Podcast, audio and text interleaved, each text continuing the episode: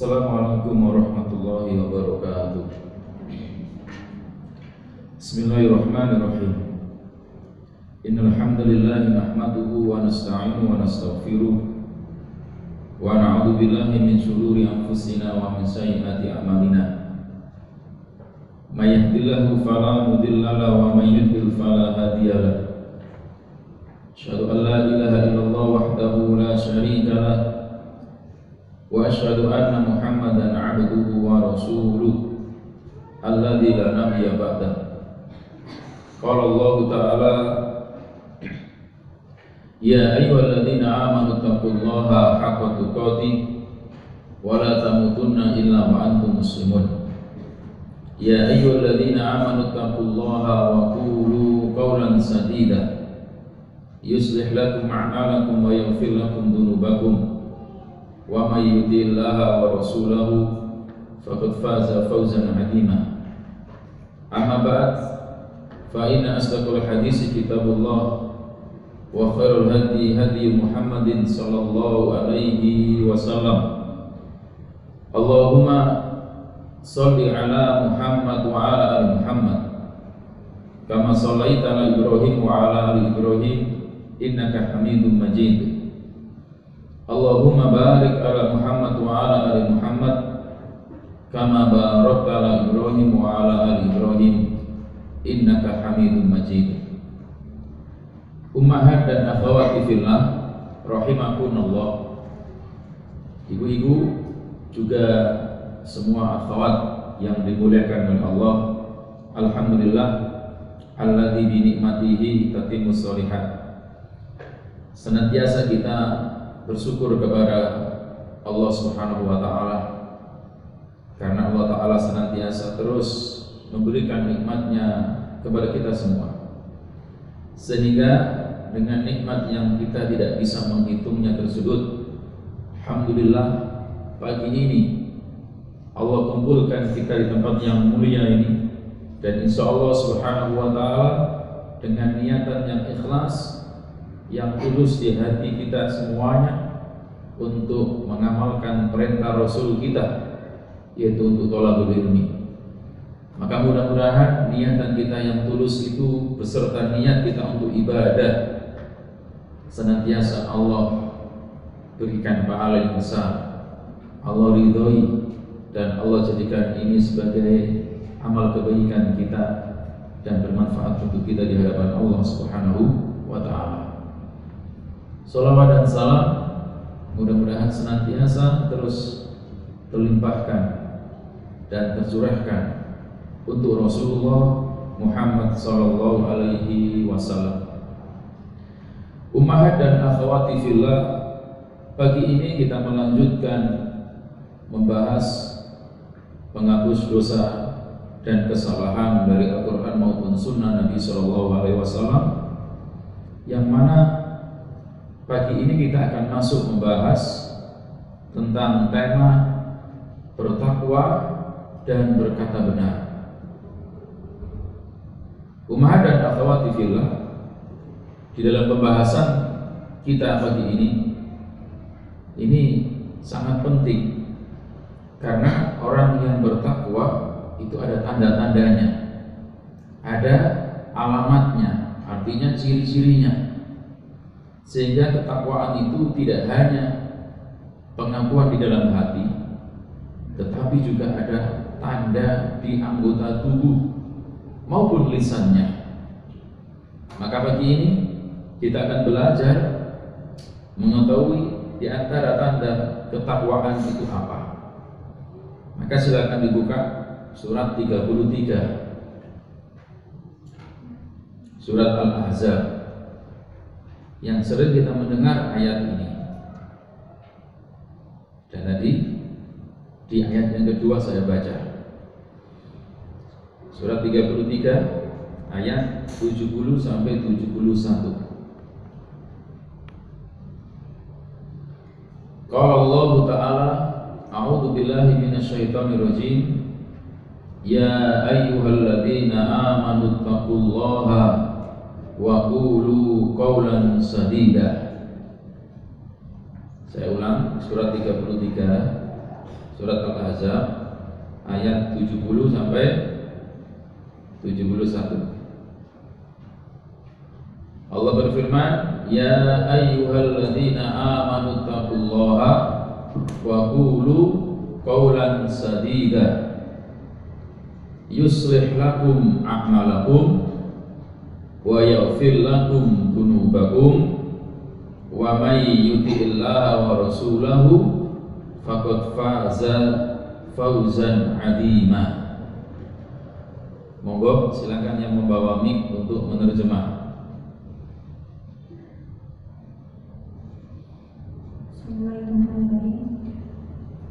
Wahai orang-orang yang beriman, bertakwalah kamu kepada Allah dan ucapkanlah perkataan yang benar.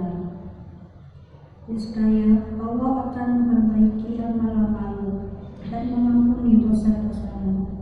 Dan barang siapa mentaati Allah dan Rasulnya, maka sungguh dia menang dengan kemenangan yang agung.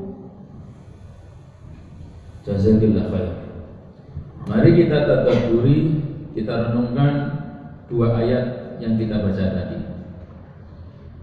Pertama, Allah mengatakan, "Ya ayyuhalladzina amanu taqullah." Wahai orang-orang yang beriman, bertakwalah kalian kepada Allah. Ini poin pertama. Kata Syekh Abdurrahman As-Sa'di dalam kitab tafsir beliau beliau mengatakan ya'muru ta'ala al-mu'minina bi taqwahu fi jami'i ahwalihim fi sirri wal alaniyah kata beliau si Abdul Rahman As-Sa'di ayat yang mulia ini Al-Ahzab ayat 70 ini poin pertama adalah Allah memerintahkan orang-orang mukmin untuk bertakwa kepadanya. Dan ketakwaan di sini di semua kondisi, di segenap kondisi mereka, baik ketika sendiri, baik ketika rahasia, baik ketika terang-terangan dan dengan orang banyak. Good. Jadi poin itu dulu. Allah memerintahkan kita untuk bertakwa jemaah. Ketakwaan itu tidak hanya di masjid. Ketakwaan itu tidak hanya di majelis taklim. Ketakwaan itu tidak hanya di musola, tapi di semua tempat dan di dalam setiap keadaan. Karena ada orang-orang yang takwa itu kalau di masjid. Takwa itu kalau majelis taklim. Kalau pulang dari masjid nggak takwa. Kalau pulang dari ngaji, tidak takwa.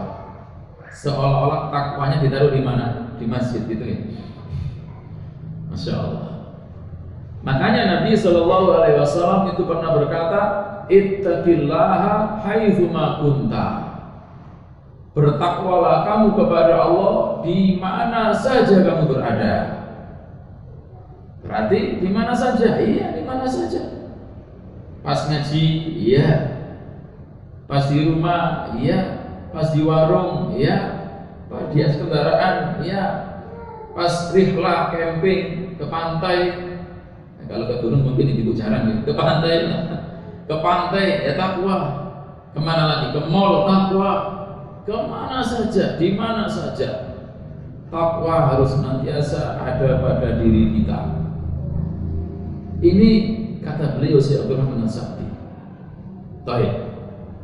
Sekarang kita masuk apa sih takwa itu? Sering kita mengungkapkan, tapi alangkah baiknya juga kita mengungkapkan ada definisi takwa yang disebutkan oleh Tolak ibni Habib, ibni Mas'ud, begitu pula takwa yang didefinisikan oleh sahabat Ali radhiyallahu anhu majma'in. Baik. Kalau Tolak ibni Habib itu ketika menafsiri tentang takwa, mendefinisikan takwa itu jamaah, itu apa? Yaitu seseorang itu beribadah kepada Allah dengan ilmu dari Allah karena mengharap pahala dari Allah.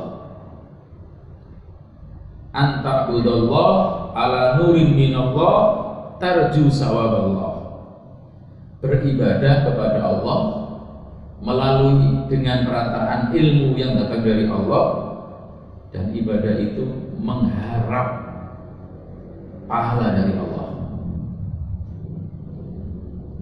Kemudian beliau melanjutkan, engkau meninggalkan maksiat karena ilmu dari Allah, karena kamu takut siksanya Allah.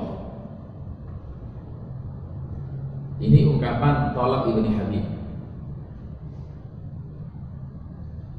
Ada ungkapan yang lain seperti sahabat yang mulia Abdullah bin Mas'ud. Apa takwa itu? Engkau senantiasa mengingatnya, tidak melupakannya. Engkau senantiasa mensyukurinya, tidak menggufurinya. Ini kata beliau. Senantiasa mengingat Allah terus, tidak pernah melupakan Allah. Senantiasa mensyukuri nikmat Allah, tidak melupakan nikmat Allah.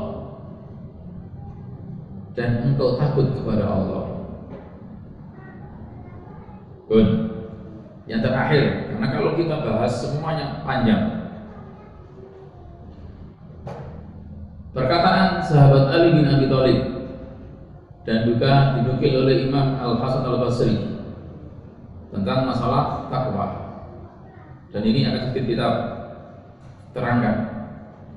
Beliau sahabat Ali bin Abi Thalib ketika mendefinisikan takwa ada empat poin jemaah. Empat poin. Yang pertama kata beliau al khawfu minal jalil engkau takut kepada Allah. Nanti saya terangkan. Engkau takut kepada Allah. Wal ibadatu bitanzil. Beribadah dengan mengikuti Quran dan Sunnah. Beribadah dengan apa-apa yang pernah diturunkan oleh Allah dan Rasulnya. Takut kepada Allah, beribadah dengan mengikuti Al-Quran dan As-Sunnah. Yang ketiga, ar-ridho bil khalil. Ridho dengan apa yang diberikan oleh Allah Al-Khalil. Ridho dengan semua pemberian Allah. Nanti masuk kategori konaan. Yang keempat, istidad liyaumir rahil mempersiapkan diri untuk akhirat saya ulang pertama takut kepada Allah yang kedua beribadah sesuai dengan Al-Quran dan As-Sunnah yang ketiga apa jemaah? Hah? ridho dengan pemberian Allah, ridho dengan ketentuan Allah. Yang keempat, mempersiapkan diri untuk hari akhirat. Pun. Yang menjadi poin kita yang pertama dan ini ciri yang terbesar orang bertakwa itu adalah khaufullah, takut kepada Allah. Mungkin ada orang yang kerja di perusahaan. Kalau dia sholat, atasannya marah. Padahal boleh sholat, tapi dia takut kenapa? Nggak sholat wis nanti dimari bos. Maka dia nggak sholat akhirnya. Takut sama siapa? Bos. Maka takut seperti ini takut yang maksiat. Taib. Ada yang lain. Ada preman. Preman biasanya kan preman itu identik dengan rambut panjang, banyak tato ya. Nyuruh pemuda untuk apa? beri alkohol beli alkohol atau beli miras akhirnya dia beli miras kenapa beli miras karena takut sama preman akhirnya dia lakukan takut seperti ini yang kita bahas takutnya jamaah bukan amalannya takut seperti ini takut yang maksiat nggak boleh karena melanggar perintah Allah Subhanahu wa taala. Taib. Yang ketiga, takut ibadah. Nah, ini yang penting yang saya maksud. Takut ibadah. Apa yang dimaksud takut ibadah di sini? Yaitu khaufullah. Takut kepada Allah. Disertai dengan rasa pengagungan, ketundukan, kerendahan diri yang melazimkan sifat takwa. Karena dia takut sama Allah, maka dia mengagungkan Allah, merendahkan dirinya di hadapan Allah, tunduk patuh dengan perintah Allah, sehingga takut seperti ini melazimkan takwa. Kalau takut sama harimau, ular kelihatan jemaah. Tapi ini nggak kelihatan. Kenapa? Allah itu gaib kan gitu. Tapi dia yakin Allah melihat. Allah memperhatikan. Allah senantiasa mengetahui amal perbuatan hambanya. Sehingga dia pun mengagungkan Allah. Merendahkan dirinya kepada Allah. Tunduk patuh dengan perintah Allah. Inilah yang melazimkan ketakwaan. Ketika Allah menyuruh dia sholat, dia sholat. Meskipun orang lain tidak tahu. Ketika Allah menyuruh nutup aurat, nutup aurat dia. Karena dia yakin Allah melihatnya. Inna rabbaka labil mirsad. Sesungguhnya Rabbmu itu senantiasa mengawasi. Inilah yang bikin seorang mukmin mukminah dalam ketundukan yang sangat tunduk kepada Allah. Padahal Allah itu hal zat yang gaib, yang nggak pernah dia lihat. Tapi dia yakin bahwasanya Allah melihatnya. Lah, di dalam ini, dalam takut ibadah ini jamaah, itu ada dua. Ada yang terpuji, ada yang tercela. Lah apa maksudnya? Yang terpuji itu adalah rasa takut yang ada di diri seseorang ini mencegah dia untuk melakukan maksiat. Saya ulang. Yang terpuji adalah rasa takut yang menimbulkan dirinya ini takut kalau mak maksiat. Kenapa sampean enggak delok biskup aja? Hmm, dah takut sama Allah aku. Kenapa sampean mohon maaf nggak buka aurat saja? Takut sama Allah. Jadi rasa takut yang terpuji ini adalah apabila menimbulkan rasa takut yang mencegah dia melakukan maksiat. Dan ininya sangat terpuji. Seandainya temannya pun ngajak untuk nonton biskup, yang kan juga rame juga ya. Film apa katanya? ya tahu lah saya film apa itu namanya. Tapi juga nonton biskup. Di biskup ada nggak antara laki-laki dan perempuan dipisah? Ikhtilat nggak kira-kira? Ikhtilat, masya Allah. Yang senang siapa? Yang punya biskup. Kenapa? Yang nonton banyak, banyak uang akhirnya. Dia takut untuk melakukan. Dia takut untuk maksiat. Dia takut ini, takut ini, takut ini misalkan. Gitu. Kenapa? Karena Allah mengetahuinya. Nah ini jamaah yang dimiliki oleh Allah Subhanahu wa taala. Itu yang pertama. Kalau kita terangkan ya panjang. Yang kedua, takut yang tercela. Apa itu? Nah ini penting ini. Rasa takut kepada Allah yang berlebihan yang menyebabkan ia putus asa dari rahmat Allah. Jadi rasa takutnya yang berlebihan akhirnya menyebabkan apa? Putus asa dari rahmat Allah. Ini tercela. Ini tercela. Pun. Yang keempat. Ini yang mohon maaf masih banyak kaum muslimin yang melakukan dan ini berbahaya. Takut atau khaufus takut yang tersembunyi. Takut yang tersembunyi. Yang ini bagian dari mohon maaf, sirik kecil.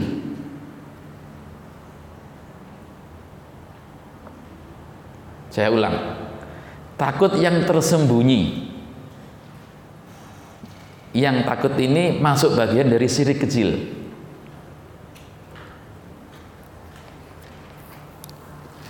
Apa maksudnya?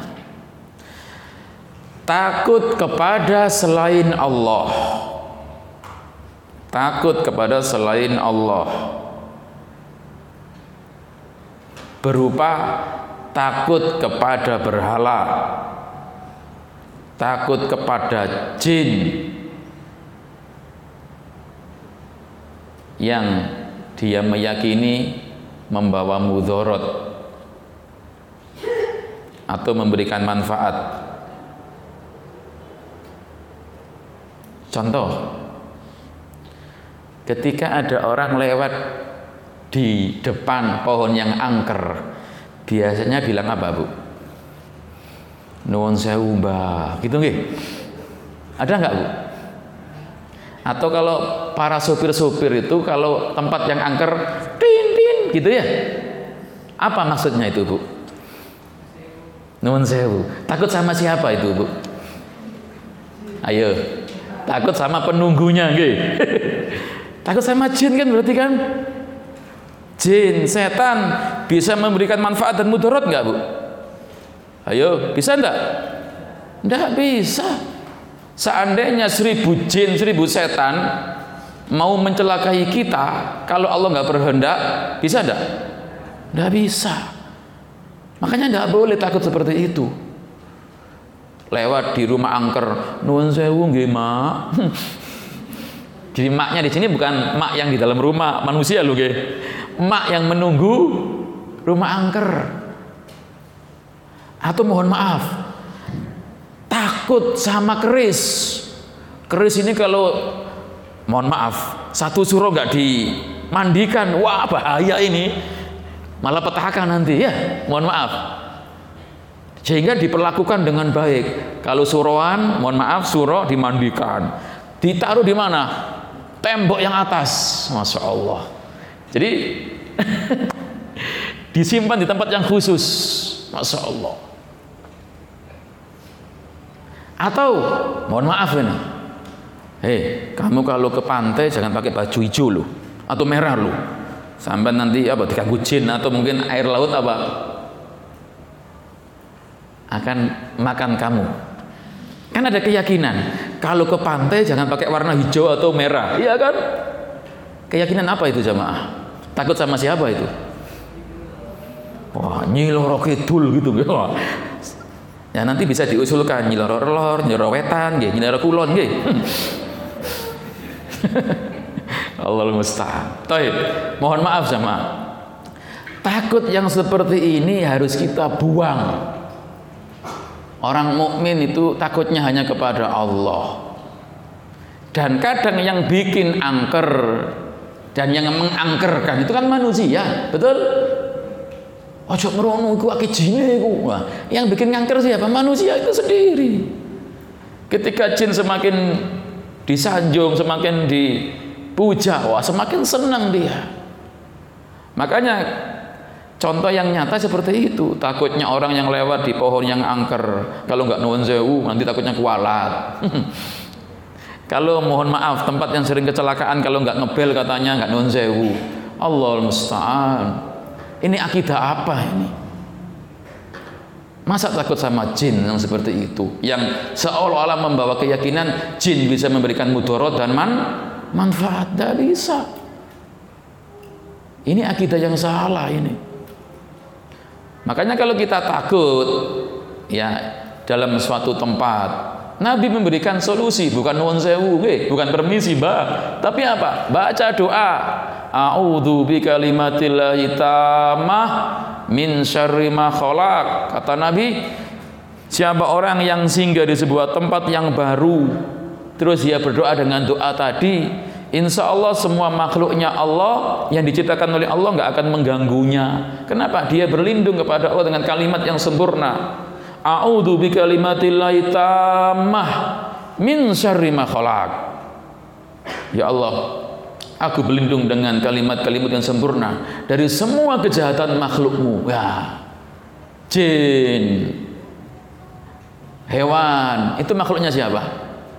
Makhluknya Allah. Inilah yang harus kita tanamkan di akidah kita. Kita nggak takut kecuali hanya kepada Allah.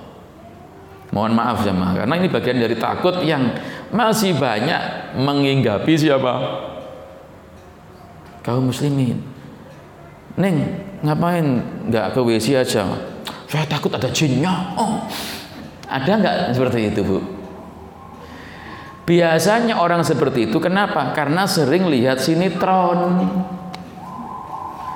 Identik kalau tempat yang gelap napa sini ngetok terus medeni gitu nggih. Allahu akbar. Mohon maaf. Memang kadang wanita itu tempat atau manusia yang sering merasa takutnya lebih besar daripada laki-laki. Tapi nggak semua kok. Kalau imannya benar, maka enggak. Ingat, ini beda dengan takut yang pertama loh, nggih. Takut pertama itu tidak masalah, tapi takut yang keempat ini masalah. Saya ulang, takut yang keempat ini bermasalah.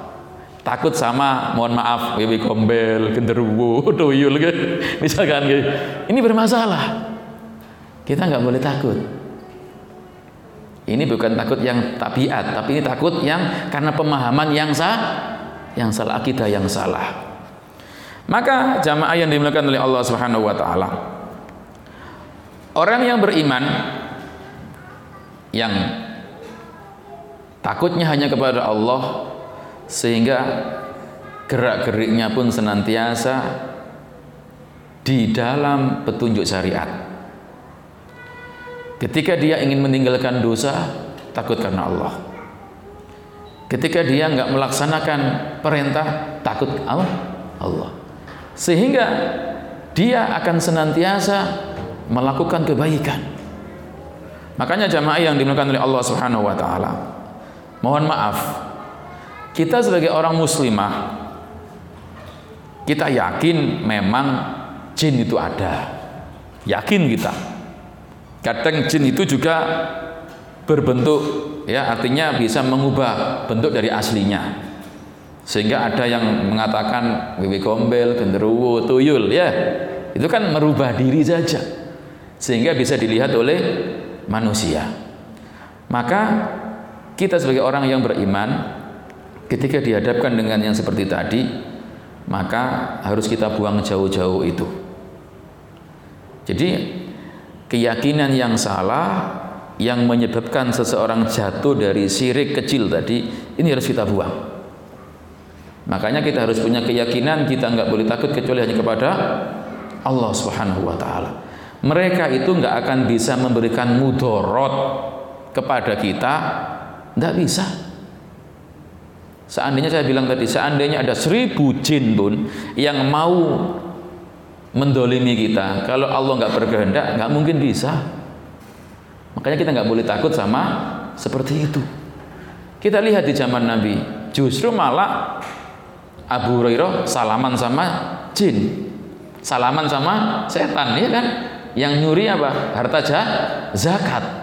Disalami, nggak lari kan? Kalau kita gimana? Wah, kalau kita kan mohon maaf, kenapa kita lari? Kenapa kita takut? Karena iman kita. Orang itu takut, orang itu lari dari tadi. Kenapa? Imannya lem, lemah. Dan yang dibayangkan film. Wah, pokoknya bengi-bengi ketok ngawang, wah genderuwo itu. Sehingga bayangannya seperti itu gitu loh. Allah musta'an. Ini jamaah yang diberikan oleh Allah Subhanahu wa taala. Maka sekali lagi mereka tidak akan bisa berbuat apa-apa kepada kita tanpa izin dari Allah. Nah kalau seandainya Allah sudah kita minta tolong, kita senantiasa bertawakal kepada Allah. Apakah mungkin Allah akan membiarkan kita begitu saja? Kan tidak. Kalau orang sudah dijaminan Allah, orang sudah senantiasa bersama Allah, artinya Allah menolong dia, nggak mungkin akan bisa mencelakai meskipun seribu setan, seribu jin, gitu kan? Maka ini yang harus kita tanamkan di hati kita. Jangan sampai takut yang katanya namanya genderuwo, wewe gombel, tuyul dan semacamnya lah sudah. Tapi juga jangan sombong. Kayak ini wewe tuyul, ini tuyul tak teloke. Makanya mohon maaf, kita nggak perlu ikut-ikutan kayak diuji nyali. Ngapain wean hmm. Sudah, itu alam mereka, alam mereka. Kita nggak perlu masuk ke alam mereka. Kita itu disuruh untuk ibadah, bukan untuk melihatnya seperti itu. Kalau bahasa kita, nanti buang-buang waktu. Kita sudah yakin mereka itu ada. Nggak perlu dibuktikan, dah. Kita yakin kok ada. Maka itu buang-buang waktu, buang-buang umur. Nah, ini jamaah yang dimuliakan oleh Allah Subhanahu wa taala. Taib. Rasa takut kepada Allah akan menghadirkan dia semangat ibadah. Dia akan senantiasa meninggalkan dosa. Di antaranya dia akan senantiasa berkata yang benar. Nah, ini hubungannya dengan pembahasan kita. Dia akan senantiasa berkata yang benar. Makanya setelah Allah menyuruh ya ayyuhalladzina amanu taqullah wahai orang-orang yang beriman bertakwalah kepada Allah, apa kata Allah? Wa qulu qaulan sadida. Ucapkanlah, katakanlah perkataan yang benar. Jamaah yang dimuliakan oleh Allah Subhanahu wa taala. Maksudnya adalah kata Syekh Abdurrahman As-Sa'di, ucapkan ucapan yang sesuai dengan kebenaran. Ucapkan dengan ucapan yang sesuai dengan yang hak. Ma Allah wa qala Rasul. Begitu pula jamaah yang dimuliakan oleh Allah Subhanahu wa taala, ucapkan perkataan yang mendekati kebenaran. Kalau Anda ragu dalam masalah itu, sehingga dalam hal ini ketika kita belajar, ketika kita mengajarkan ilmu, ucapkan ucapan yang benar. Mohon maaf, jamaah yang dimuliakan Allah Subhanahu wa taala. Perhatian Islam sangat luar biasa. Ya. Kalau kalian sudah mengucapkan perkataan yang benar, senantiasa mendekati kebenaran, maka yuslih lakum a'malakum maka Allah Subhanahu wa taala akan memperbaiki bagimu amalan-amalanmu. Wa yaghfir lakum dunubakum dan Allah akan mengampuni dosa-dosamu. Wa may yuti'illah wa rasulah faqad faza fawzan adima. Dan sesungguhnya barang siapa yang mentaati Allah dan Rasulnya maka dia akan mendapatkan kemenangan yang besar. Taib. Jemaah yang dimuliakan oleh Allah Subhanahu wa taala. Manusia di dalam berbicara, kata para ulama, itu ada empat keadaan. Manusia ketika berbicara itu ada empat keadaan. Kita kira-kira yang mana ini? Nge? Taib. Yang pertama, apa yang diucapkan, apa yang dikeluarkan dari lisannya, semuanya manfaat. Itu kondisi yang pertama. Semuanya manfaat. Kondisi yang kedua, ucapan yang diucapkan oleh manusia semuanya mudorot. Semuanya mudorot. Paham mudorot jemaah? Halo, mudorot paham Baik. Yang pertama, semuanya manfaat ucapannya. Yang kedua, semuanya mudorot, berbahaya, membawa celaka, membawa kebinasaan. Asalis, kondisi ketiga, ada manusia yang berbicara, kondisi ketiga, ada mudorotnya dan ada manfaatnya. Jadi ketika berbicara ada mudorotnya, ada bahayanya, ada keburukannya, dan ada manfaatnya.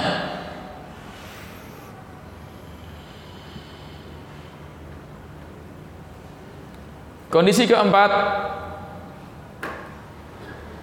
tidak ada manfaatnya dan tidak ada mudorotnya. Saya ulang. Kondisi pertama, ada orang yang berbicara semuanya manfaat. Kondisi kedua, semuanya mudah, mudorot. Kondisi ketiga, ada yang mudorot, ada yang manfaat. Baina-baina ini. kadang kalau ngomong itu kadang wapi, masya Allah, kadang wele. Tapi ini kita terangkan. Yang keempat, ada orang yang berbicara ngomong itu nggak ada manfaat, nggak ada nggak ada manfaatnya, juga nggak mudorot juga. Baik. Jamaah, sekarang kita rinci. Kalau semuanya perkataan itu manfaat, ini yang kita maksud. Ini yang kita maksud. Artinya kalau itu manfaat semua, silahkan dibicarakan. Silahkan berbicara. Dua jam, tiga jam, monggo. Kalau semuanya man, manfaat. Artinya ini yang harus kita kondisikan. Kita itu kalau berbicara manfaat semua. Namun yang kedua, apabila pembicaraan itu membawa mudorot semua, kita harus diam. Artinya jangan sampai kita ketika berbicara membawa mu mudorot.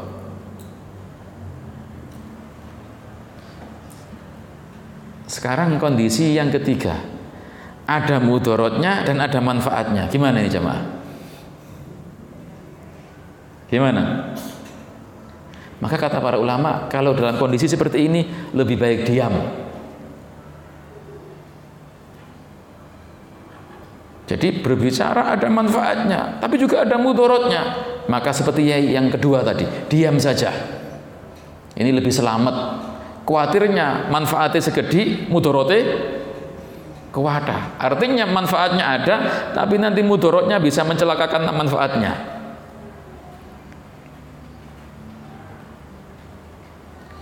Kemudian kalau yang keempat jamaah, gimana? Tidak ada manfaatnya, tidak ada mudorotnya. Tinggalkan saja. Orang Malang bilang, ente-ente umur. Kalau bahasa Jawa, mohon maaf nggih. Ngedabrus tapi gak ono manfaati. Eman waktu. 5 jam, misalnya 5 menit, 10 menit dibuat zikir itu berapa puluh? Zikir itu. Dibuat baca Quran berapa ayat itu? Ngapunten jamaah. Dan itu hakikat kerugian. Waktu digunakan untuk ngobrol ngalor ngidul ke sana kemari kalau nggak ada manfaatnya eman waktu terus berlalu maka jamaah yang dimulakan oleh Allah Subhanahu wa taala kita mau milih yang mana kira-kira milih yang pertama kedua ketiga keempat Insya Allah orang mukmin itu akan milih yang pertama. Ketika dia berbicara pasti membawa manfaat. Karena dia punya prinsip mangkana yu'minu billahi wal yaumil akhir falyakul khairan aw liyasmut. Siapa orang yang beriman kepada Allah dan iman kepada hari akhir maka hendaklah ia berkata yang baik atau diam. Kalau kita bicara, bicaranya membawa kebaikan, kemanfaatan, kemaslahatan. Kalau tidak, diam sajalah. Jamaah yang dimuliakan oleh Allah Subhanahu wa taala. Kita alhamdulillah Allah berikan lisan yang dengan lisan ini kita bisa berbicara. Ini nikmat yang sangat besar. Nikmat yang Allah berikan untuk kita yang menakjubkan. Jadi luar biasa menakjubkan lisan ini. Ukurannya kecil tapi luar biasa. Kadang manfaatnya besar dan sebaliknya bahayanya besar karena kadang dengan lisan orang itu bisa masuk surga. Dengan lisan bisa masuk neraka. Dengan lisan yang halal jadi yang haram jadi halal afan lo kok bisa? Nah itu kabil tu nikahaha itu. Kabil tu nikahaha wa jaha bil mahril madkur. Lisan kan? Sebelumnya haram jadi apa halal bahkan berpahala itu. Masya Allah. Hanya lisan. Dengan lisan orang bisa masuk surga. Mangkana akhiru kalami la ilaha illallah takhalal jannah Siapa orang, mohon maaf, yang ber, mengatakan la ilaha illallah di akhir kehidupannya dia dijanjikan sur surga. Dan sebaliknya. Makanya orang yang senantiasa menjaga lisan tidak dibiarkan begitu saja maka dia akan selamat. Tapi kalau orang membiarkan lisannya maka setan akan menguasainya. Setan akan menggiring dia kepada jurang kebinasaan. Dan tidak sedikit orang yang dibinasakan gara-gara lisannya. Maka Nabi alaihissalatu wassalam pernah mengingatkan innal abda la yatakallamu bi kalimati min ridwanillah. La yulkilaha balan yarfa'uhu Allahu biha darajah. Sesungguhnya seorang hamba yang berbicara dengan satu kata yang satu kata ini diridhoi oleh Allah yang ia mengucapkannya itu tanpa berpikir lebih dahulu. Dia nggak menyangka kalau itu bikin Allah ridho sehingga Allah pun angkat derajatnya dia. Tapi sebaliknya wa innal abda la yatakallamu bil kalimati min sakhatillah la yulkilaha balan yahwi biha fi jahannam ada seseorang yang berbicara yang dia nggak nyangka kalau dengan pembicaraannya itu bikin Allah murka. Maka akhirnya Allah tenggelamkan dia ke neraka jahanam. Na'udzubillahi min dalik.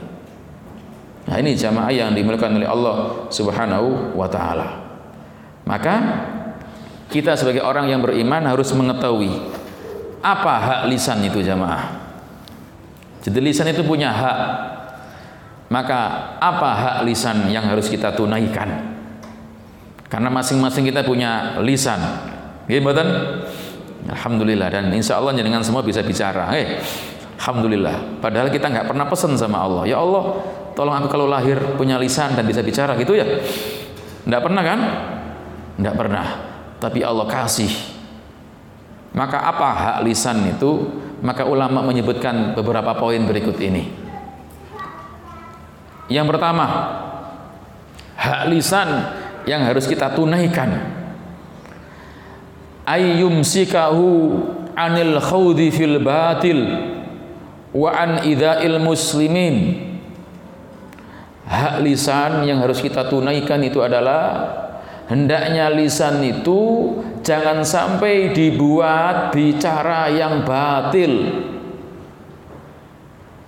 Saya ulang, hendaknya berdiam diri dari mengucapkan kata-kata yang batil.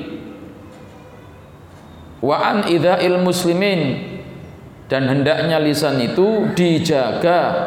Jangan sampai menyakiti muslim yang lain. Kenapa? Wadzalika li'annal khawdha fil batili bil lisani sababun dukhulin nar. Karena sebab orang yang menggunakan lisannya untuk berkata yang batil menyebabkan dia masuk neraka. Silakan dibuka surat 74. Surat Mudtasir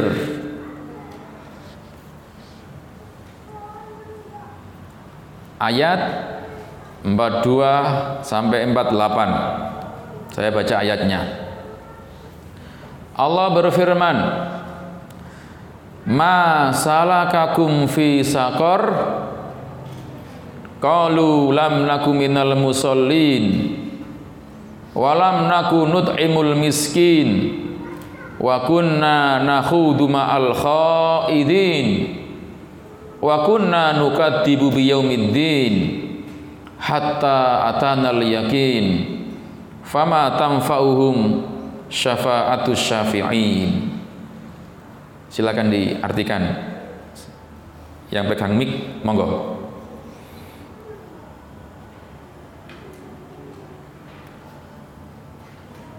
surat 74 nggih Surat Mudassir mulai ayat 42.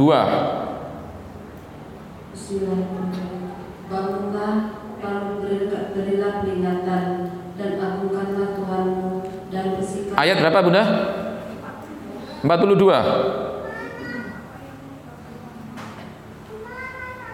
Ayat 42 Apa yang menyebabkan kamu masuk?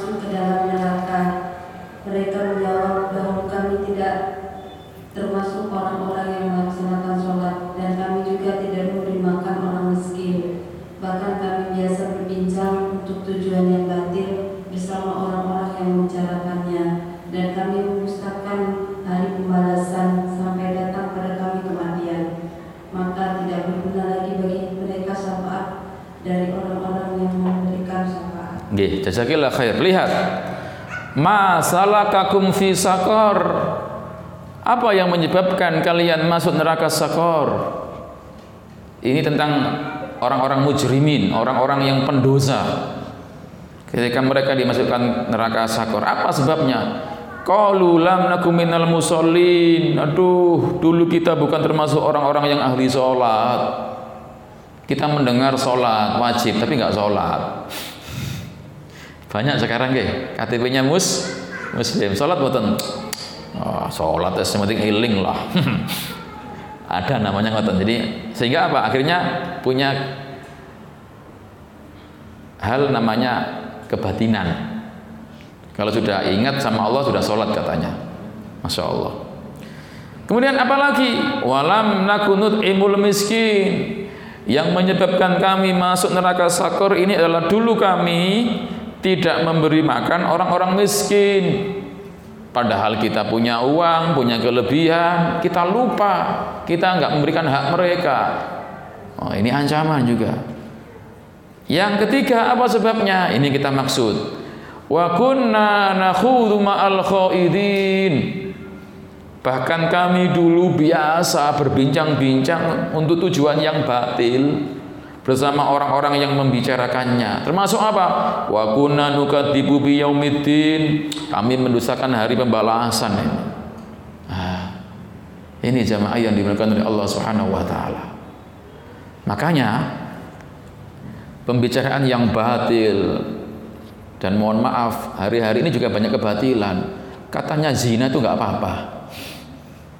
Bahkan digerai dokter, dokter eh, zina halal dokter sekarang. Masya Allah enaknya nggih. Jadi dokter membolehkan zina nggih. Naudzubillah min dalik ya fenomena dunia ya kadang memang fakta terbalik. Yang benar disalahkan yang salah dibenarkan. Naudzubillah min dalik jadi kata-kata yang batil makanya kita harus hati-hati dengan ucapan lisan kita dengan lisan kadang membawa kecelakaan. Makanya kayak tadi nuwun sewu Hati-hati itu, itu kan lisan. Mudah kan? Hanya nuwun sewu tapi kan keyakinan itu. Anda takut sama siapa kok mbah-mbah terus sih? Mungkin kalau di pinggir laut nuwun sewu nyiloro kidul gitu nggih. Naudzubillah min dalik. Lihat kemarin jemaah ketika surawan itu ketika kerbau dipotong kepalanya dibuang ke mana? laut. Membuang makanan saja haram. Buang makanan saja ha?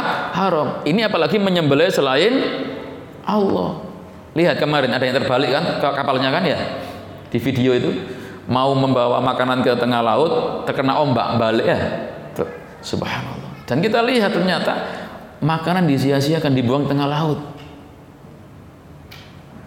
mubazir semua apalagi mohon maaf kepala kerbau dibuang ke laut padahal dia mengatakan inna solati wa nusuki wa mayahya wa mamati lillahi rabbil alamin Sesungguhnya solatku, sembelihanku, ibadahku, hidupku, matiku untuk Allah. Nyata enggak?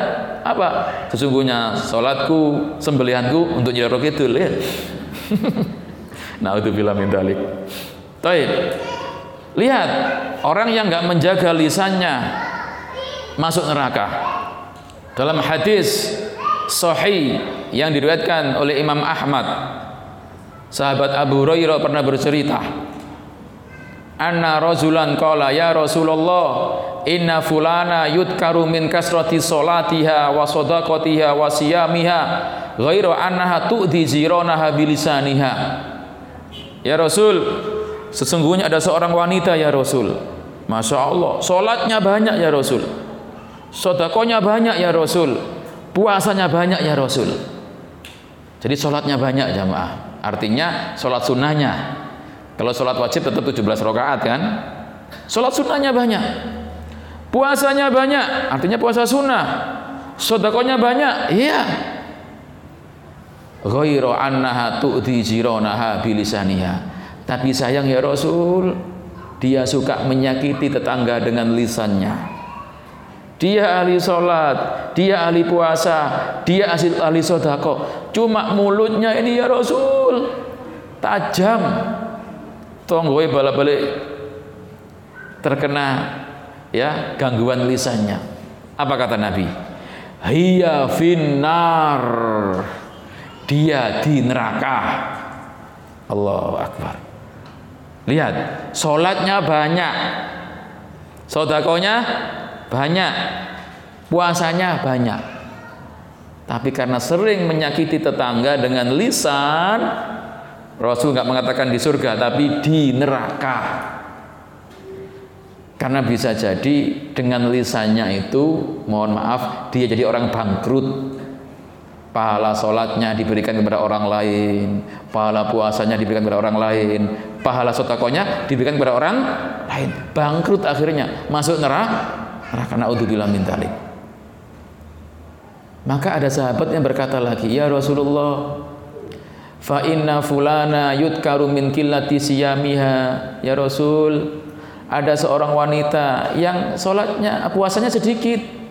Artinya dia puasa Ramadan saja wa dia pun kalau sodako sedikit. Wa solatiha. Dan sholatnya juga sedikit artinya yang wajib-wajib saja. Tetapi wala tu'dhi jironaha bilisaniha. Tapi dia bisa menjaga lisan. Dia nggak pernah nyakiti tetangganya. Apa kata Nabi jamaah? Hiya fil jannah. Dia itu masuk surga padahal sholatnya hanya lima waktu sodakonya kalau di sini sebutkan apa dengan keju yang kering yang sedikit Mungkin kalau bahasa kita mungkin seminggu sekali setengah lewu Sedikit sedekahnya. Tapi dia nggak pernah nyakiti siapa pun termasuk tetangganya. Maka kata Nabi, dia di surga. Masya Allah. Ini lisan jamaah. Makanya juga Nabi Shallallahu Alaihi Wasallam itu pernah ketika Mi'raj lama urija bi marartu biqaumin lahum atfarun min nuhasin yakhmisuna wujuhahum wa sudurahum. Ketika aku Isra Mi'raj aku diperlihatkan ternyata ada orang yang mempunyai napa namanya nggih? Uh, kuku. Yang kukunya itu terbuat dari tembaga yang kukunya itu kemudian dibuat mencakar-cakar dirinya sendiri wajahnya dicakar, dadanya dicakar dengan kukunya sendiri dengan tembaga itu. Fakultu maka saya berkata kata Rasul, Man haula'i ya Jibril, wahai Jibril, siapa orang-orang itu? Kok punya kuku dari tembaga, kok terus nyakari dirinya sendiri di wajahnya, di dadanya? Kata Jibril, haula'il ladzina ya'kulu luhuman nas mereka itu ketika di dunia suka makan daging temannya manusia. Bukan Sumanto loh Bu, eh. Makan daging manusia apa? Suka ghibah. Suka ngerasani ti tiang. Karena dalam surat Al-Hujurat surat 49 ayat 12 itu ada isyarat bahwasanya makan daging manusia itu apa? Riba. Silakan dibuka surat 49. Surat Al-Hujurat. Ayatnya ayat 12. Karena siapa sih yang mau makin dagang manusia kan nggak mau.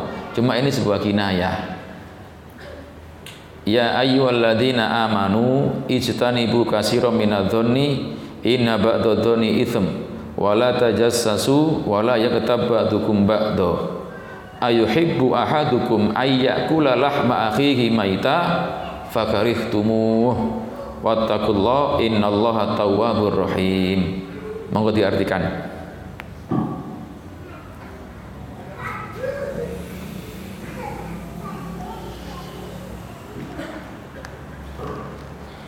Wahai orang-orang beriman, jauhilah banyak dari prasangka. Sesungguhnya sebagian prasangka itu dosa, dan janganlah kamu mencari-cari kesalahan orang lain, dan janganlah ada di antara kamu yang menjadi sebagian yang lain. Apakah ada di antara kamu yang suka memakan, daging saudaranya yang sudah mati? Tentu kamu merasa jijik dan bertakwalah kepada Allah. Sungguh Allah Maha penerima taubat. Nggih, jazakillah khair. Jadi menggunjing saudaranya itu seperti makan daging saudara saudaranya. Pasti kita nggak akan mau lah, kecuali Sumanto nggih. Artinya ini yang pernah dilihat oleh Nabi ketika Mi'raj. Ada orang yang menyiksa dirinya sendiri dengan kuku yang terbuat dari tembaga. Dicakar-cakar wajahnya, dicakar-cakar dadanya. Ketika Nabi bertanya, siapa mereka? Orang yang suka makan daging manusia. Allah musta'an. Hanya kepada Allah kita minta tolong. Ini hadis sahih li ghairi rawahu Abu Dawud, Ahmad dan yang lainnya. Orang kalau menggunjing itu dengan apa, Bu? Dengan kaki apa dengan lisan, Bu? lisan. Perkataan yang batil, ucapan yang membawa bahaya untuk pelakunya dan yang semacamnya Pokoknya dari lisan, termasuk mohon maaf, mohon maaf. Ketika orang sering mengatakan kebun binatang, ketika rasa mangkel ada, ini hati-hati loh. Tapi kalau ibu-ibu insya Allah nggak kebun binatang nih, taman safari mungkin nih. Paham bu? Jadi ada orang itu kalau sudah pas marah, yang keluar apa? Kebun binatang. Saya nggak perlu contohkan lah sudah, tidak etis nih. Mari kita jaga lisan kita hatta ketika kita pas marah, mangkel, jengkel, jangan sampai kebun binatang. Kalau bisa istighfar, kalau bisa nyebut nama Allah. Maka ketika kita terbiasa dengan seperti itu, insya Allah ketika kita marah pun dapat pahala. Anaknya nuwakal dua blek, belum melayu kayak ini ya, belum melayu lari-lari. Apa yang kita ucapkan? Ya Allah, astagfirullah, masya Allah kan gitu ya. Tapi ada enggak? Wah, kayak nasi dibungkus itu, oke. Nah, untuk bilang mentali. Jadi ini perkataan yang enggak baik juga. Karena orang beriman itu Nabi mengatakan laisal mu'min bitta'an walal la'an badi. Orang mukmin itu bukan orang yang suka melaknat, berkata keji dan kotor, tidak Ustaz nggak diucapkan Ustaz tapi di WhatsApp Ustaz. Ya itu mewakili ucapan itu. Ya kan? Mewakili ucapan cuma hanya ditulis gitu aja. Maka mohon maaf tulisan itu mewakili lisan. Lisan itu mewakili ha? hati. Maka hati-hati jamaah. Taib. Itu yang pertama. Jangan sampai lisan kita kita gunakan untuk berkata yang batil atau menyakiti kaum muslimin atau muslimat. Makanya suatu hari Mu'ad pernah diwasiati Rasulullah. Ya, pernah diwasiati Rasulullah. Kata Rasulullah, "Ala ukhbiruka bimalaki dzalika kulluh atau kullih." Wahai Mu'ad, mau enggak saya beritahu sesuatu yang sangat bermanfaat untukmu? Ini potongan hadis yang panjang karena sebelumnya sahabat Mu'ad ini bertanya tentang kebaikan dan keburukan. Bertanya tentang hal-hal yang bisa menyebabkan masuk surga. Maka Nabi mengatakan, "Wahai Mu'ad, maukah saya beritahu semua dari itu yang baik-baik itu?" Maka sahabat Mu'ad berkata, "Bala ya Rasulullah." Nggih ya Rasulullah saya mau. Fa akhadha bilisani maka Nabi memegang mulutnya.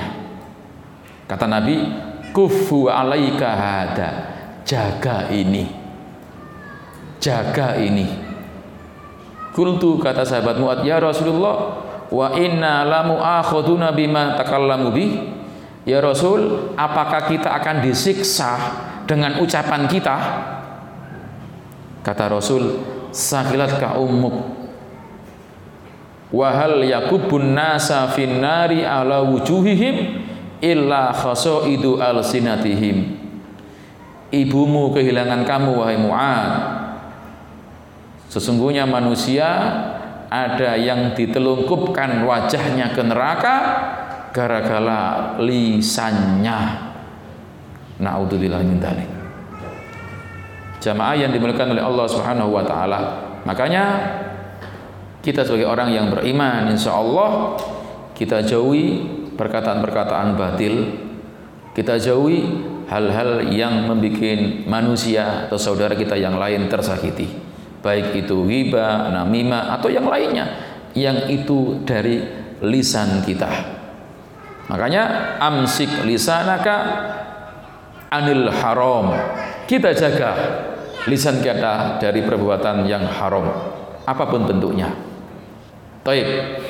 Yang selanjutnya di antara hak lisan itu apa? Karena waktunya terbatas. Beliau dalam kitab saya menyebutkan wa min haqqil lisani ala sahibihi ayyutaliqahu fi qaulil khair. Hendaknya lisan itu digunakan untuk berkata yang baik berkata yang baik. Ini seperti dalam surat An-Nisa. Surat An-Nisa, surat keempat ya.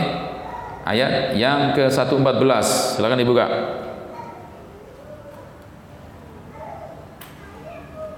Satu empat belas. Allah berfirman, La khaira fi kasirim min najwahum illa man amara bi aw ma'rufin aw islahim bainan nas. Wa may yaf'al dzalika ibtigha amardatillah fasawfa nu'tihi ajran 'azima An-Nisa surat keempat ayat 114 monggo diartikan. Tidak ada kebaikan dari banyak pembicaraan rahasia mereka kecuali pembicaraan atau berbuat kebaikan atau mengadakan perdamaian di antara manusia. Barang siapa berbuat demikian karena mencari keridhaan Allah, maka kelak kami akan memberinya pahala yang besar. Nah, inilah hak lisan kita. Kita gunakan lisan untuk mengajak kebaikan. Di sini apa jamaah? Mengajak untuk bersodako artinya menyuruh orang untuk bersodako menyuruh orang untuk berbuat baik dan mengadakan perdamaian antara manusia. Kita kiaskan dengan yang lain. Apa itu ngajak manusia untuk ngaji? Ngajak manusia untuk apa? Puasa sunnah. Semua. Ini ucapan-ucapan yang baik. Jadi lisannya senantiasa dimanfaatkan untuk perkataan yang baik. Ketika ada orang yang saling bertengkar, dia mendamaikan. Suami istri yang ada masalah, dia menjadi penengah. Ketika ada orang yang kebingungan, dia tunjukkan jalan yang betul. Terus dimanfaatkan untuk kebaikan. Dan ini sifatnya banyak contoh. Teman-teman kita yang belum pakai jilbab, kita ajak untuk pakai jilbab. Teman-teman kita yang malas sholat duha, kita ajak motivasi dengan sholat duha terus Artinya termasuk di dalamnya apa? Amal ma'ruf ya, mengajak kebaikan dengan lisan. Kalau nggak bisa ketemu langsung WhatsApp. ya kan sekarang itu wakil dari mana? Lisan. Nah, karena nggak jarang ketemu. Kenapa? Teman jenengan di Jakarta, teman jenengan di Bandung ya. Nggak mungkin telepon, kenapa mahal? WhatsApp aja murah ya. Monggo, Taib, itu yang kedua jamaah. Jadi kita gunakan lisan untuk perkataan yang baik. Contohnya banyak lah sudah. Yang ketiga, karena terbatasnya waktu. Wa min haqqil lisani ala sahibihi ayurati wa bidzikrillah. Ini penting, ini beda lagi. Kalau yang kedua itu perkataan yang baik, yang ketiga lebih khusus. Di antara hak lisan, lisan digunakan untuk zikir kepada Allah lisan digunakan untuk berzikir kepada Allah. Ini kan lebih khusus. Kalau tadi yang kedua sifatnya umum kan, mengajak kebaikan. Kalau ini langsung action juga, zikir. Kalimat-kalimat toibah yang dia lantunkan di lisannya. Murojaah Al-Quran yang senantiasa berada di bibirnya. Ini jamaah.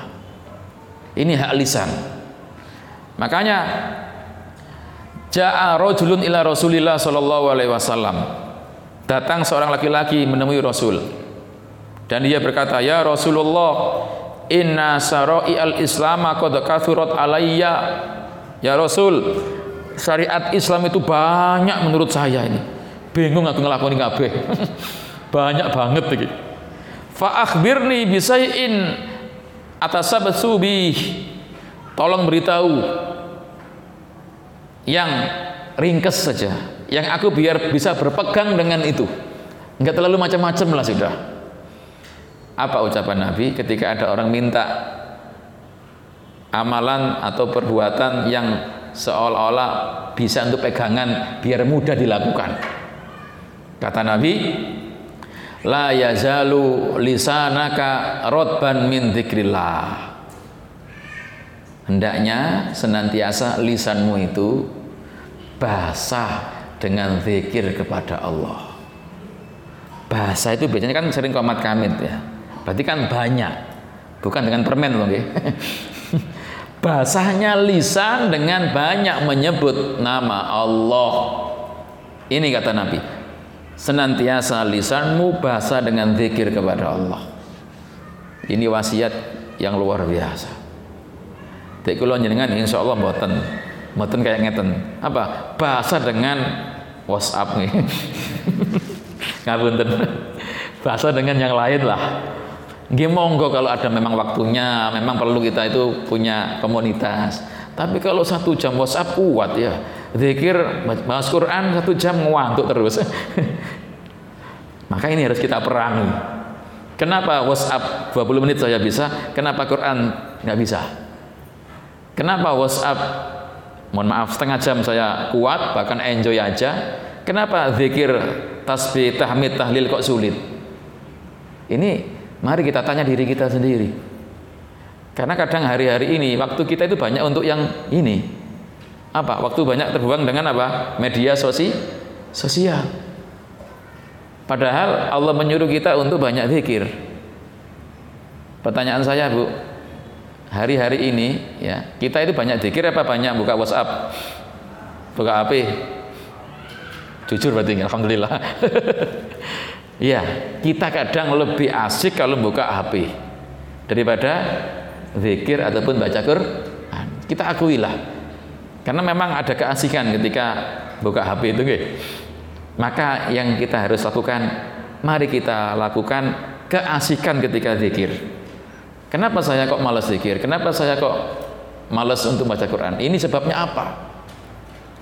Paling tidak jamaah, kita harus mengakui diri kita ini yang banyak kelemahan.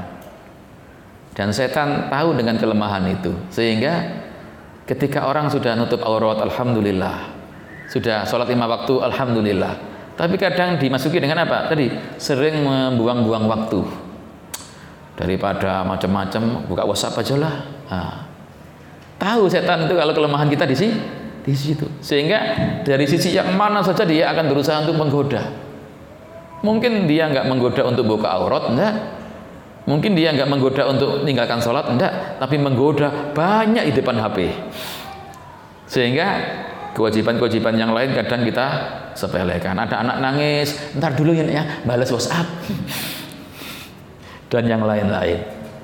Allah berfirman, di surat 33 jamaah surat Al-Ahzab 41 42 Ya ayyuhalladzina amanu dzkurullaha dzikran katsira wasabbihuhu bukratan wa asila. Wahai orang-orang yang beriman ingatlah kepada Allah dengan mengingat yang banyak. Jadi seringlah mengingat Allah dan bertasbihlah kepada Allah baik pagi maupun sore. Ngapunten jamaah, kita semua harus sadar kita mengingat Allah dengan tidur kita banyak mana? Halo. Tidur kita dengan mengingat Allah banyak mana? Masya Allah iya. Tidur kita tentang, tentang 8 jam ya. Katanya untuk kesehatan ya. Atau 7 jam lah misalkan. Pernah nggak kita zikir sama Allah 7 jam?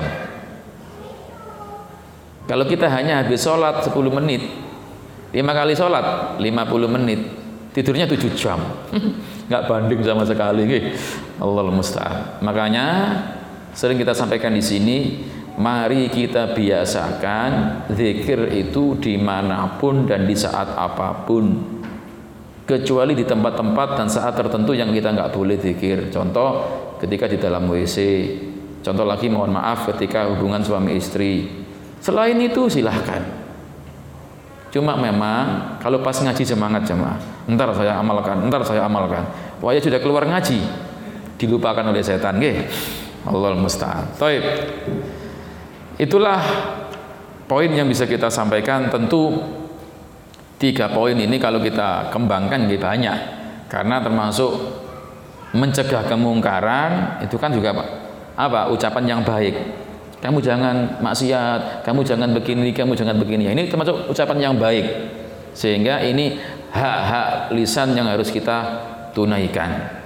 Sehingga mudah-mudahan ketika Allah Subhanahu wa taala memberikan pertolongan kita bisa yang seperti tadi, alhamdulillah. Kalau belum bisa, mari kita berusaha. Karena apa? Karena dengan lisan jamaah kita pun akan dicintai oleh Allah. Terakhir saya tutup dengan hadis Nabi sering kita juga sebutkan lisan kita akan bisa menyebabkan Allah cinta sama kita. Nabi mengatakan ahabul kalami ilallahi arbaun ucapan yang paling dicintai oleh Allah itu ada empat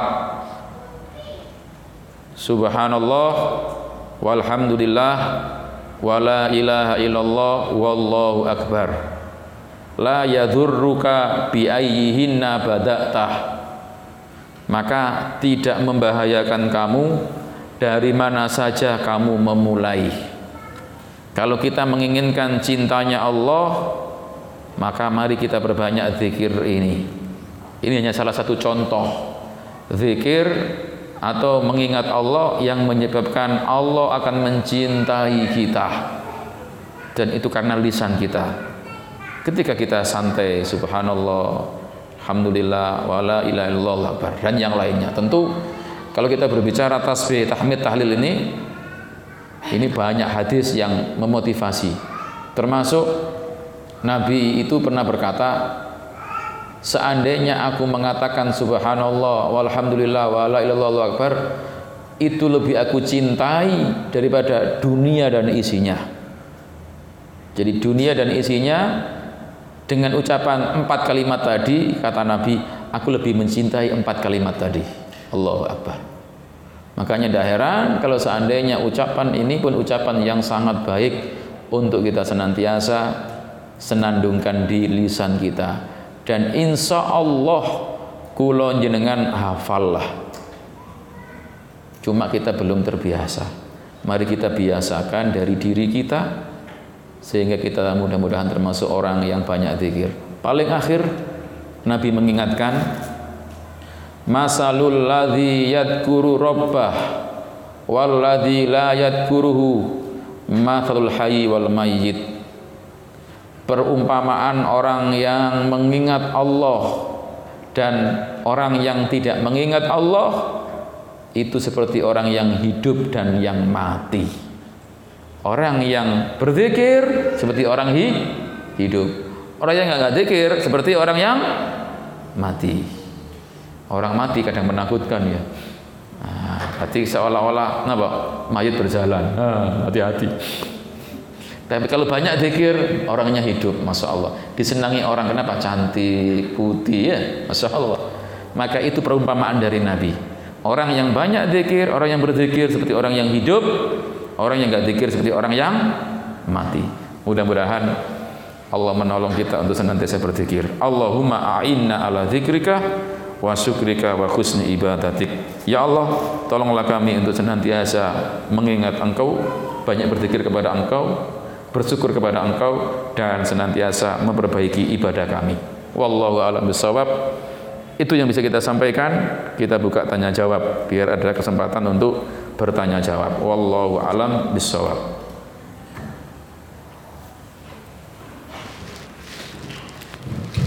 Alhamdulillahirrahmanirrahim Materi sudah disampaikan oleh Ustaz umat yang mau bertanya melalui Bisa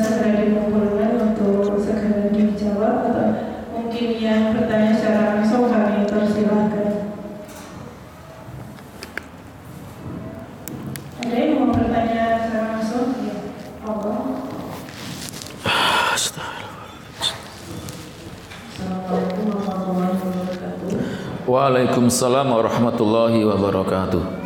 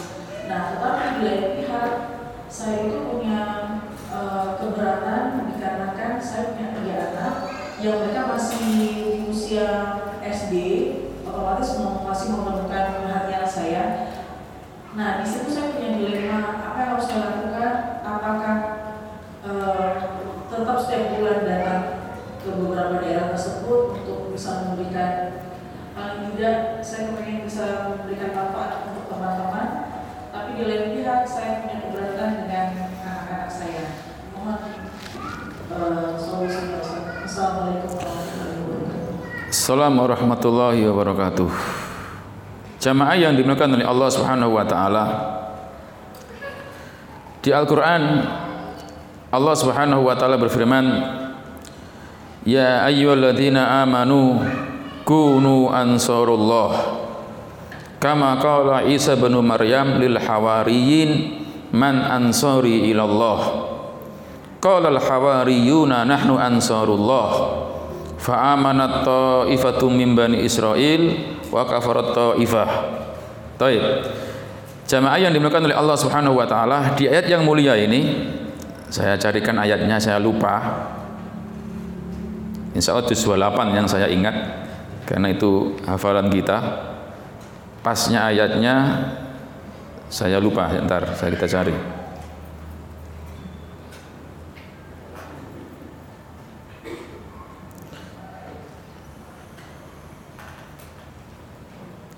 yang mana artinya jamaah wahai orang-orang yang beriman ya surat as-sof surat sof silakan dibuka. Surat sof ayat terakhir. Surat 61 nggih insyaallah. Surat 61 ayat 14 insyaallah. Monggo dilihat.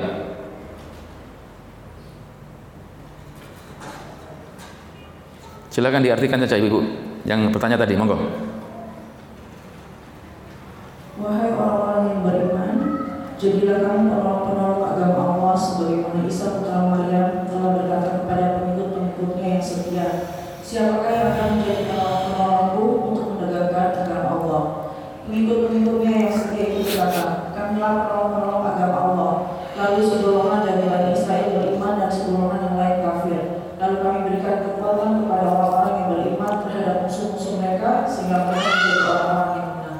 Baik.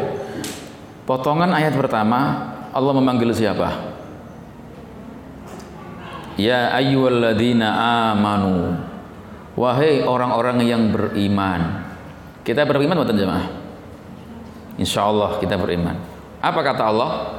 Kunu ansarullah. Apa artinya? Jadilah kamu penolong-penolong agama Allah. Ayat ini memerintahkan untuk apa jamaah? Halo? Memerintahkan orang yang beriman menjadi penolong-penolong agama Allah dalam semua keadaan dengan lisannya, perbuatannya, mengorbankan mohon maaf jiwa dan harta bendanya untuk memenuhi seruan Allah dan Rasulnya. Sebagaimana orang-orang Hawariyin. Siapa Hawariyin ini? Murid-muridnya Nabi Isa ya. Man ansari ilallah. Siapa yang menjadi penolong-penolongku untuk menegakkan agama Allah? Maka orang-orang Hawariyan mengata, ya berkata Hawariyun, nahnu ansarullah. Kita yang menolong agama Allah. Ini panggilan untuk siapa jemaah? Orang yang beriman. Maka apa yang sudah kita berikan untuk Islam? Apa yang kita berikan kepada dakwah Nabi Muhammad ini? Maka kalau ibu tadi berkata ingin memberikan manfaat untuk orang lain, untuk Islam, insya Allah masuk ayat ini ibu. Maka kita pun harus mikir juga jamaah. Karena menolong agama Allah kan nggak mesti harus dengan uang, nggak mesti harus dengan perkataan, tapi dengan hal-hal yang lain kan gitu. Tapi yang penting tetap tujuannya untuk menolong agama Allah. Maka ketika ibu tadi mohon maaf melakukan sesuatu tadi, suami sudah mengizini, suami merestui dan ini bagian dari menolong agama Allah, menebarkan kebaikan, maka silahkan. Itu pun kan tidak sering hanya sebulan sekali. Mungkin ketika jenengan pas pergi, anak-anak mohon maaf dititipkan dengan mohon maaf yang bisa menjaga anak-anak dan bisa mentarbiah anak-anak Ketika Anda memang sangat bermanfaat di hadapan mereka, maka kita manfaatkan itu. Apalagi jenengan didukung dengan suami, sehingga ketika bepergian kan ada mahrobnya. Maka kalau saya melihat ketika jenengan bisa memberikan manfaat kepada orang lain dengan ilmu jenengan, kita manfaatkan itu. Toh anak-anak kita kan setiap hari bertemu dengan kita. Sehingga ini termasuk bagian dari dakwah bulanan. Sebulan sekali berdakwah, kayak gitu kan? Iya, kita anggap ini menolong agama Allah. Ini panggilan ayatnya ini ya ayyuhalladzina amanu kunu ansarullah. Kecuali kalau suami nggak merestui baru. Suami nggak membolehi maka jangan. Tapi kalau suami mendukung, suami menemani, suami merestui bahkan mensupport maka silahkan apalagi itu medan dakwah perempuan monggo. Karena memang kadang perempuan itu perlu didakwai perempuan perlu diajak perempuan. Lah untuk anak-anak ya mungkin kan sehari mungkin atau dua hari ditinggal insya Allah tidak mengapa lah. Kenapa? Di 28 hari jangan masih bersama mereka. Maka wallahu alam bisawab silakan dimanfaatkan kelebihan jenengan untuk menolong agama Allah untuk mengajak kebaikan dan ingat sabda Nabi, khairun nas anfa'uhum linnas. Sebaik-baik manusia itu adalah manusia yang sangat bermanfaat untuk manusia yang lain. Maka saya melihat kalau suami merestui, mengizini bahkan mensupport, silakan dilanjutkan. Wallahu a'lam bishawab. Ada yang lain?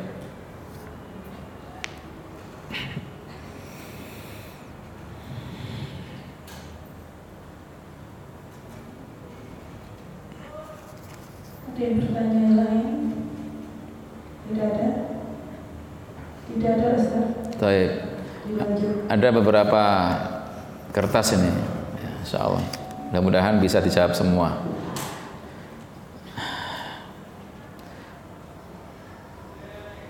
Oke. Jazakallah.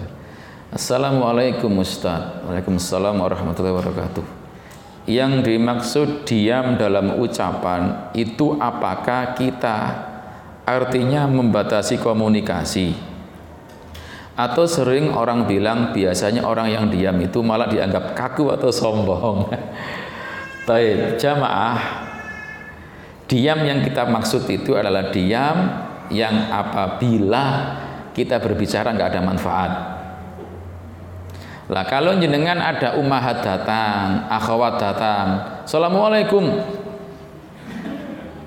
Diam saja, wah ini salah. Jadi diam di sini itu diam kalau berbicara nggak manfaat, bahkan membawa mudorot. Justru Anda kalau komunikasi, Assalamualaikum, salam jenengan dungi pun di masya Allah sehatnya jenengan cantiknya, oh ini bagus ini harus komunikasi kita itu. Tapi kemudian yang saya maksud dengan diam itu kalau nggak ada manfaat. Kalau ada manfaatnya silakan. Kan tadi saya bilang, ada yang bicara itu manfaat, ada yang nggak manfaat, ada yang manfaat dan tidak manfaat kan gitu. Maka diam di sini adalah diam apabila bicara dia bermaksiat atau nggak manfaat. Itu kita harus diam. Tapi kalau menurut anda itu manfaat, bahkan dapat pahala, maka silahkan. Jadi diam tidak yang seperti saya contohkan barusan, tidak. Makanya saya nggak menyuruh ketika kita berada di majelis diam terus. Ya tentu kalau diam terus pas Ustaznya nerangkan itu bagus. Kalau pas ketemu duduk bersama umat yang lain ya kita bicara. Komunikasi enggak. Komunikasi yang bermanfaat itu monggo, silahkan. Tapi pas setelah ngaji atau sebelum ngaji. Kalau pas ngaji jangan diam saja ya, itu yang baik. Wallahu a'lam bishawab.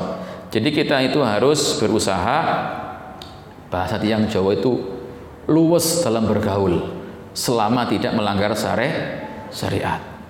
Senyum kita tampakkan, salam kita ucapkan, kita ajak bicara. Iya. Wallahu alam bisawab. Bagaimana cara kita menyikapi rasa takut akan kematian? Dan apakah hukumnya seorang muslim takut terhadap kematian? Taib. Jamaah yang dimuliakan oleh Allah Subhanahu wa taala, kematian itu pasti akan datang. Orang ketika mengingat kematian, mengingat loh ya, beda dengan takut. Kalau takut mati ya memang ada orang takut mati. Tapi kalau mengingat sering mengingat kematian, maka itu hal yang sangat dianjurkan. Aksiru dzikra hadzimil. Perbanyaklah kalian untuk mengingat apa? Pemutus kenikmatan. Apa itu? al maut kematian. Jadi pemutus kenikmatan di dunia apa? Mati. Sering ingat mati, ingat mati itu bagus. Tapi kalau takut mati, gimana? Beda nggak? Sering ingat mati sama takut mati beda apa sama? Beda. Yang harus kita hadirkan sering ingat mati supaya apa? Kalau ingat sering ingat mati akan banyak bekal. Kalau orang takut mati, om, datanya nggak pasti kok kok ditakuti ya kan kan datanya nggak pasti tapi pasti dah datang makanya yang sering harus kita ingatkan ingat sering mati jadi sering ingat mati kata Imam Ad-Dakok ngeten Imam Ad-Dakok pernah berkata siapa orang yang sering ingat kematian sering ingat kematian dimuliakan dengan tiga perkara ingat sering kematian sering ingat kematian ya satu, takjilut taubah. Kalau orang sering ingat mati, dia akan segera bertaubat. Yang kedua, wakona Allahu bima atah. Dia akan senantiasa kona'ah dengan pemberian Allah karena sering ingat mati. Pertama, apa tadi? Segera bertaubat. Yang kedua, qanaah. Yang ketiga, wa nasatu fil ibadah yaitu semangat untuk ibadah. Karena dia senantiasa sering ingat mati. Bukan takut mati, sering ingat mati. Kematian tidak perlu ditakuti. Karena siapa pun orang pasti akan mati. Cuma yang kita takuti adalah bekal apa yang sudah kita bawa, gitu loh. Bekal apa yang kita persiapkan kan gitu. Taib. Kemudian orang yang lupa dengan kematian, orang yang lupa dengan kematian, dia terkena musibah tiga, tiga musibah.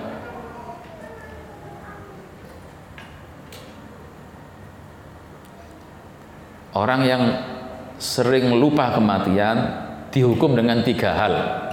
Apa itu? mengundur-undur taubat. Sik suwe mati nyawa dhewe iki, santai aja. Mengundur-undur taubat. Yang kedua, tamak dalam urusan dunia. Rakus nggih, tamak.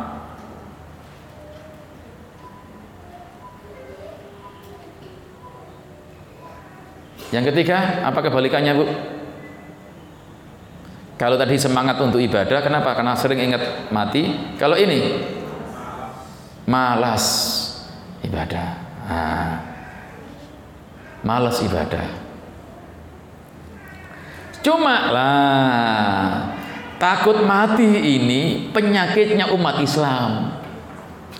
Bukan ingat mati, takut mati. Ada namanya penyakit al-wahan. Nah, pernah dengar? Oh, enggak dengar. Jadi al-wahan ini penyakitnya umat Islam. Hubud dunya wa karahiyatul maut. Seneng donya, takut mati penyakit. Ngapunten. Ustaz, aku mati mati aku. Ya jauh wedi. Salat sing akeh, poso sing akeh. Sering ingat mati bukan takut mati. Takut mati itu biasanya ini penyakit umat Islam. Coba orang kalau uangnya banyak, takut mati nggak bu? Mobilnya baru, takut mati nggak? Artinya takut kehilangan mobilnya gitu gitu. Jadi takut mati itu penyakit. Artinya penyakit wahan. Apa itu kata Nabi? Yaitu hubud dunia wa maut, takut mati. Maka ini harus kita hindari. Jadi yang sering kita harus hadirkan apa itu? Ingat mati. Ya ini jamaah yang dimakan Allah. Tapi memang tidak salah mutlak, tidak salah mutlak. Karena takut ini nggak tercela betul. Cuma ya kita berusaha untuk apa? Menghindari saja. Kenapa? Karena itu menunjukkan kadang lemah iman. Jadi takut mati yang menunjukkan lemahnya iman, mungkin karena takut apa dunia yang kok dipek wong atau mungkin takut menghilang apa meninggalkan dunia. Ya ini yang dimaksud ini nggak boleh. Tapi kalau pada dasarnya takut mati itu tabiat manusia semua takut. Tapi yang bikin tercela apalagi kalau tadi muncul karena apa? Terlalu cinta dunia terlalu senang dengan apa yang ada di atas muka bumi ini sehingga takut mati. Ini tidak boleh, tercela. Ini jamaah yang dimulakan oleh Allah Subhanahu wa taala. Cuma secara umum itu bagian dari wahan penyakit yang menimpa umat Islam. Apa itu? Senang dunia, takut mah mati. Wallahu a'lam bishawab. Ada lagi? Oh, masuk Allah kertas ya. Lupa saya. Assalamualaikum Ustaz Sudah Ustaz bagaimana sikap terbaik kita menghadapi orang tua yang masih ada pemikiran tentang tahayul? Misal pem Misal pemilihan hari pernikahan karena weton Masya Allah. Kita sudah memberi pengertian. Malah menjadi debat. Ya jamaah Inilah fenomena di sekitar kita. Tiang nikah itu kalau ketemu selawe hati-hati loh ya ojo dina selasa. Soalnya kamu ngadep ngalor. Calonmu ngadep ngidul ya. Gak suwe sampean kok virok kok. Masalah. Ya itu tentu tadi termasuk bagian dari keimanan-keimanan yang salah. Tatayur itu bagian dari bisa menjerumuskan kepada kesirikan. Ya tentu sikap kita kepada orang tua seperti ini ya kita doakan lah. Kita mohon maaf kalau nggak mampu menasihati dengan cara langsung ya melalui siapa yang disungkani oleh orang tua kita. Kalaupun terpaksa nggak bisa dirubah, ya sudahlah nggak apa-apa lah nikah, tapi jangan diyakini itu kalau kita. Jangan sampai kemudian gara-gara ini terus nggak nikah, emang ya tetap nikah saja. Cuma hitung-hitungan, weton-weton itu jangan kita anggap lah. Itu biar keluarga kita saja yang mengetahui, kita tidak usah. Karena memang kadang orang Jawa itu masih tidak bisa meninggalkan Jawanya, sehingga dihubung-hubungkan dengan weton, dengan hari kelahiran seterusnya. Maka sikap kita kalau memang sudah pasangannya setuju, sama-sama suka, ya tetap nikah saja tidak masalah. Daripada nanti membatalkan ini terus nggak jadi nikah, tambah berabe, tetap nikah, tapi ini keyakinan ini nggak perlu diyakini. Wallahu a'lam bishawab.